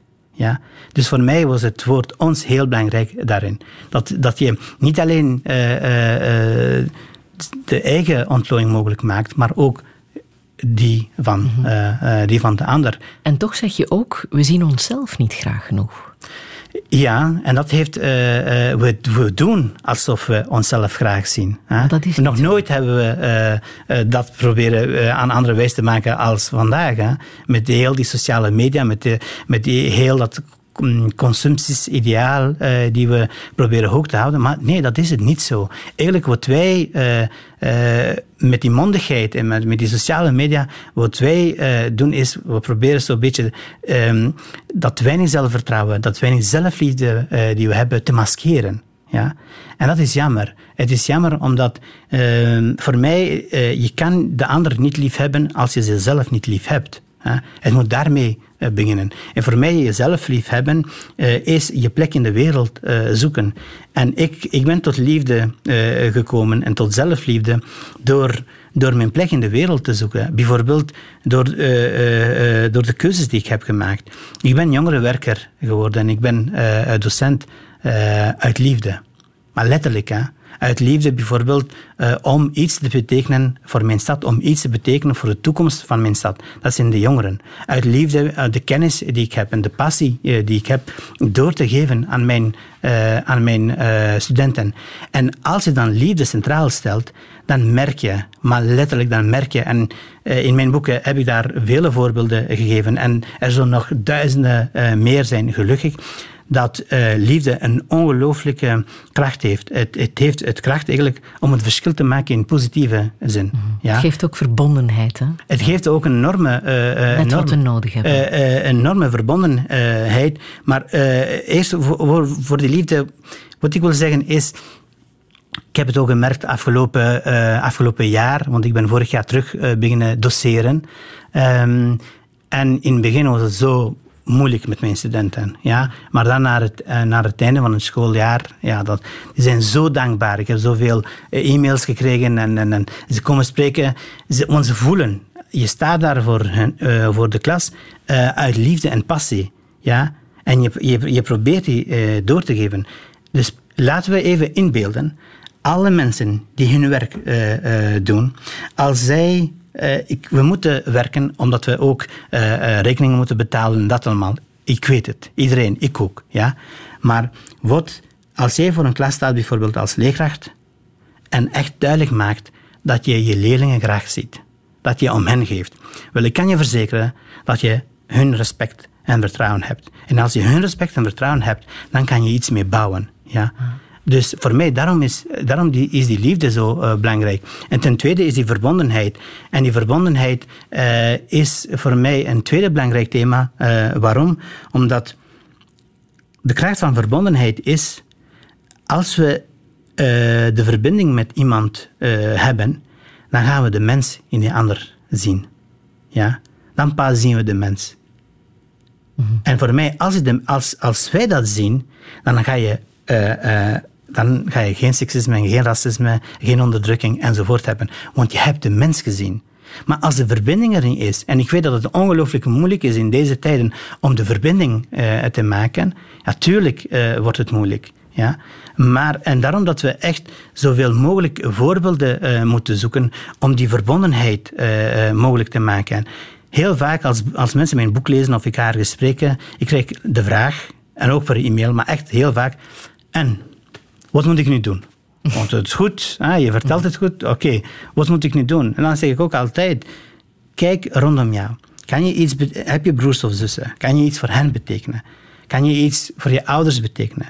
Heb je grootouders? Grootouders, en ik wil daar niet over beginnen, maar in de eenzaamheid waarin ze zitten. Want ik ga bij oudere mensen spreken. En als ze getuigen over eh, ehm, hun eenzaamheid, mijn hart breekt dan, letterlijk. Hè, ehm, kan, je, kan je iets meer tijd met hen doorbrengen? Weet je in welke wijk dat je woont? Weet je wie je buren zijn? Ja? Misschien ben je niet begaan met vluchtelingen. Misschien denk je zelf dat ze hier niet zouden mogen komen. Ben je begaan met de situatie van eenzaamheid bij oudere mensen? Met eh, jongeren die in armoede zitten? Met de situatie van alleenstaande moeders? Je gaat me toch niet vertellen dat er geen enkele groep is, ja, daar waar je leeft, die jouw eh, eh, steun niet nodig heeft. En dan zeggen de mensen, ah ja, en wel, dat als we dat mogelijk maken, als we die verbinding een beetje eh, zoeken, dan zijn we verbondenheid mo- eh, eh, mogelijk aan, het- aan het maken. Waarin geloof? Oeh. ik geloof in heel veel. Ah, ik geloof. ehm, ik geloof. Ik, ik, ik noem mezelf multigelovig. Multigelovig. Ja, ik, eh, en dan zeggen de mensen, ja, wat is dat? Nog nooit gehoord. Eh, ik ben Een serieuze fascinatie voor geloof, hè? eh, ja, ik ben, ik ben geboren in het allereerste atheïstisch land ter wereld, hè? Albanië. Dus officieel was het een atheïstisch land. Waar geloof verboden was. Ja, inderdaad, waar geloof verboden was, waar de moskeeën en, en de kerken enzovoort met de grond gelijk waren gemaakt. En ik, ik kom uit een katholiek eh, gezin, ook al denken heel wat mensen, mediamensen, dat ik moslim ben, omdat ik op een bepaalde manier eruit eh, eh, zie. Ehm, maar ik ben onder andere moslim, want ik geloof... Ik, ik, haal inspiratie ook uit de Koran, ik haal inspiratie ook uit het leven van de profeet, vrede zij met hem. Ehm, en van, van, van kleins af aan had ik zoiets van... ik wil de mensen beter be- eh, begrijpen. Ja? Eh, het communisme was eh, gevallen en dan ging ik de Bijbel lezen en ging ik de Koran lezen. En dan ging ik eigenlijk dieper en dieper graven. En dan ontdekte ik dat er, ik, dat er heel veel moois, en nog steeds, heel veel moois in die religieuze teksten eh, staat. We, we focussen alleen op het negatieve. Dat negatieve, dat gewelddadige enzovoort, dat staat ook erin. In de Bijbel en in de, Koran en in andere teksten. Ja? Maar waarom hebben we het niet over het positieve? Waarom, liefde bijvoorbeeld. Er is ongelooflijk veel liefde in de Bijbel. Ja, ongelooflijk veel. Als je alleen naar, naar, naar het voorbeeld van Jezus kijkt. Als je kijkt naar Paulus. Paulus zegt, eh, er zijn drie dingen. Er is eh, hoop, geloof en het allerhoogste, zegt hij, is liefde. Hij zet liefde boven, eh, boven geloof. Waarom hebben we het niet daarover? Of we denken dat liefde niets te maken heeft met de islam, in de hoofden van sommigen. Maar dan weten ze niet welke voorbeelden de profeet, vrede zij met hem, heeft gegeven. Dan weten zij niet wat sofisme is, hè, die helemaal in teken van liefde staat. Maar dus voor mij ik geloof, het gaat niet om een idee van God, want ik geloof niet in God. In God die, die, die, die, die, die, eh, boos is en die straft en die, die zo toe zich eh, houdt. Dat is, dat is niet waar ik in geloof. Dat is, dat, is het, dat is wat de mens probeert van te maken. Mijn idee van geloven is echt veel eh, breder. Ik geloof in het goede doen. Ja? Ik geloof in de mens. Ja? En daarom, ik, ik, bedoel, ik bedoel, ik haal ongelooflijk veel inspiratie uit mensen die zichzelf ook atheïsten hebben genoemd. Omdat zij eh, een, een, een krachtig voorbeeld eh, van menselijkheid hebben laten zien. En eh, vaak als ik zo ergens ga spreken, eh, ik ben heel blij dat er dat, dat ook door mensen die zichzelf atheïst noemen, dat er direct een, een, een, soort verbondenheid wordt gecreëerd. Ja? Omdat als je zegt dat je in de mens gelooft en in, in, het, in, de, in, de, in het goede gelooft, je bent direct twee dingen aan het benoemen waarin ze ook zij eh, geloven. Dus soms, eh, jammer genoeg, eh, missen we eigenlijk die verbondenheid die er al is, door een beetje te veel te focussen op negatieve dingen bij elkaar. Je bent 36 nu, hè? Ja. Wat zou je echt nog willen in het leven? Eh, ik ben eigenlijk iemand die eerder de filosofie heeft van pluk je dag. Maar wat ik eh, vooral wil in mijn leven is vooral een goede vader zijn. Dat is, dat is, dat is wat, nu dat ik vader eh, ben eh, geworden, en ik heb daar een heel boek over geschreven, bij wijze van spreken, maar op het laatste zeg ik aan mijn dochter dat voor haar voor mij vader worden even nieuw is als voor haar in de wereld komen. En dat is ook zo. Ja? Want je, allee, je kan het niet op voorhand weten. Je weet, je, je weet het niet. Je moet het vooral eh, ervaren. Dus voor mij het aller, allerbelangrijkste eh, is om, om, om, om, een, om een goede vader en een goede echtgenoot ook eh, te zijn. Dat is, dat is wat, wat, wat telt. En een tweede is verder mijn engagement. Dat ik in, in België, maar ik ben ook steeds meer actief ook in Albanië. Vooral rond onderwijs, door daar scholen te ondersteunen. Eh, verder mijn engagement daar waar ik kan, binnen de mogelijkheden eh, die ik heb, eh, te blijven versterken. En, en ja, en ook ehm, te laten zien en ik ben, ik ben heel blij dus dat er mensen die, mijn, die mij horen spreken of die mijn boeken lezen, dat, er, dat, zeggen, dat ze hoop hebben. Ja? Om te laten zien, niet met mijn eigen voorbeeld, maar ook door andere mensen naar buiten, hun verhalen naar buiten te laten eh, brengen, dat er in deze tijden van angst, in deze tijden van eenzaamheid, in deze tijden van onverschilligheid en wat je wil, dat er ook heel veel hoop is. Ja? En hoop, en ik, u zei daar straks, u bent een realist. Ik ben realist. Ik ben geen naïveling. Ja? En ik ben geen verloren hippie. Uh, Integendeel, ik sta met beide uh, voeten in de realiteit. Maar ik zie ja, eh, heel veel uh, voorbeelden uh, van hoop. Alternatieven die we concreet hebben om armoede aan te pakken, om racisme aan te pakken, om burn-outs aan te pakken, om mensen om op een andere manier te verdelen, om ongelijkheid aan te pakken enzovoort. Die zijn er. En dus mijn boodschap vooral is, in deze tijden dat we constant moeten horen dat er geen alternatieven zijn, zeggen aan de mensen, dat er een zee aan alternatieven is. Dus alsjeblieft, ga daar op zoek naar. Ik heb nog muziek klaarstaan. Al-Haji Frimpong. Ja.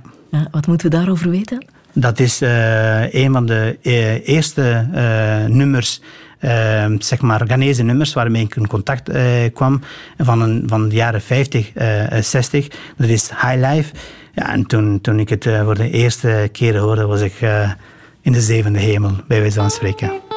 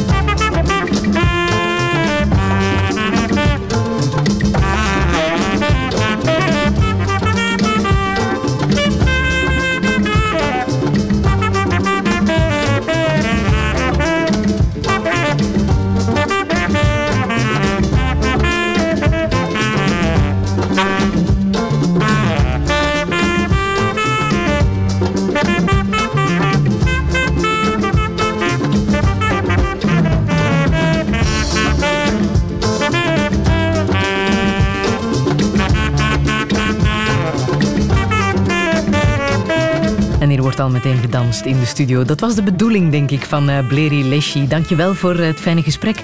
Alle info staat zo meteen na te lezen op eh, radio1.be. En volgende week is er de laatste touché van het seizoen met ingenieur en ook uitvinder Clement Hiel. Radio 1